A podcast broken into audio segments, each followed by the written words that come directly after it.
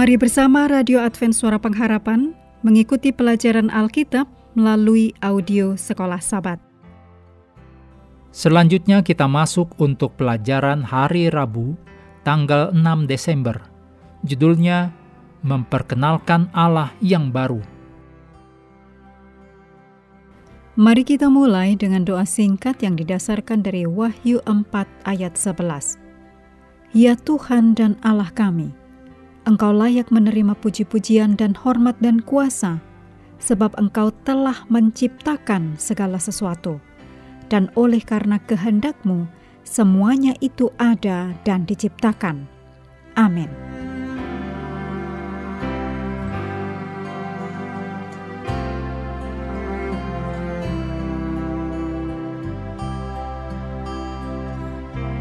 Setelah Paulus mendapatkan perhatian dari para pemikir di Athena, dia mengalihkan pendengar kepada Allah di surga.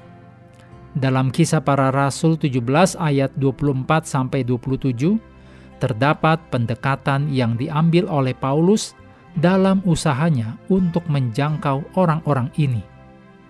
Bagi orang-orang yang peduli tentang hal-hal yang bersifat rohani, dengan membangun sebuah mesbah bagi Allah yang tidak dikenal, kata-kata Paulus ini agak menjebak, yaitu satu pribadi Allah Pencipta yang tidak tinggal di sebuah kuil dan tidak membutuhkan apa-apa dari manusia, tetapi sebaliknya menyediakan kebutuhan manusia. Untuk sebuah budaya yang kental dengan mitologi Yunani, di saat Allah-Allahnya tidak dapat diprediksi, egois dan kejam. Pemikiran mengenai satu pribadi Allah, seperti yang Paulus gambarkan, merupakan hal yang sangat menarik.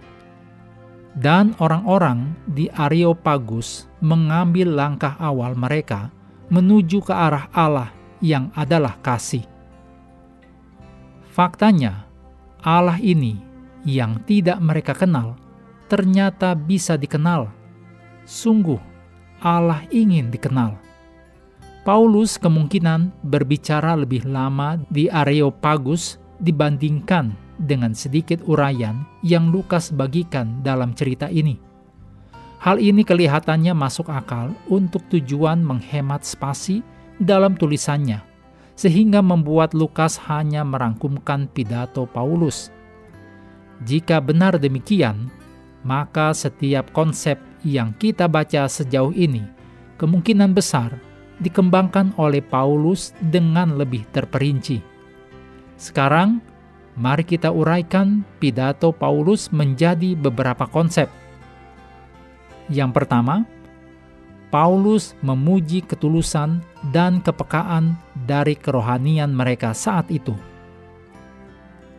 Yang kedua, Paulus menunjukkan bahwa dia telah mempelajari kepercayaan mereka dan dia menemukan beberapa hal yang dihormatinya dari apa yang dia telah pelajari.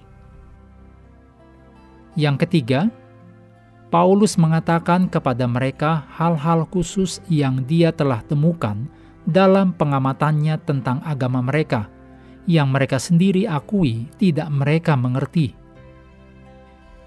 Yang keempat, Paulus membagikan aspek dari Allah yang dia tahu sangat mereka butuhkan, yaitu bahwa Allah itu ada dan bahwa Allah mengasihi mereka dan tidak jauh dari mereka. Yang kelima, Paulus mengamarkan mereka sehubungan dengan apa artinya menolak pengetahuan akan Allah yang belum mereka kenal ini.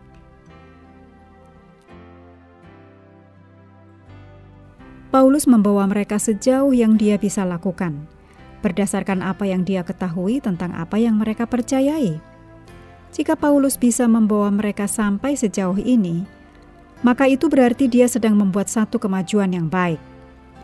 Perhatikan ajakan Paulus kepada orang-orang ini sehubungan dengan dunia yang diciptakan dan Allah sebagai penciptanya. Juga dicatat dalam Roma 1 ayat 18 sampai 25. Cara ini adalah satu pendekatan yang baik untuk dilakukan, paling tidak sebagai satu langkah awal kepada kebanyakan orang. Pembahasan mengenai dunia yang diciptakan dan Allah sebagai penciptanya sangat berkuasa mengarahkan manusia kepada Allah.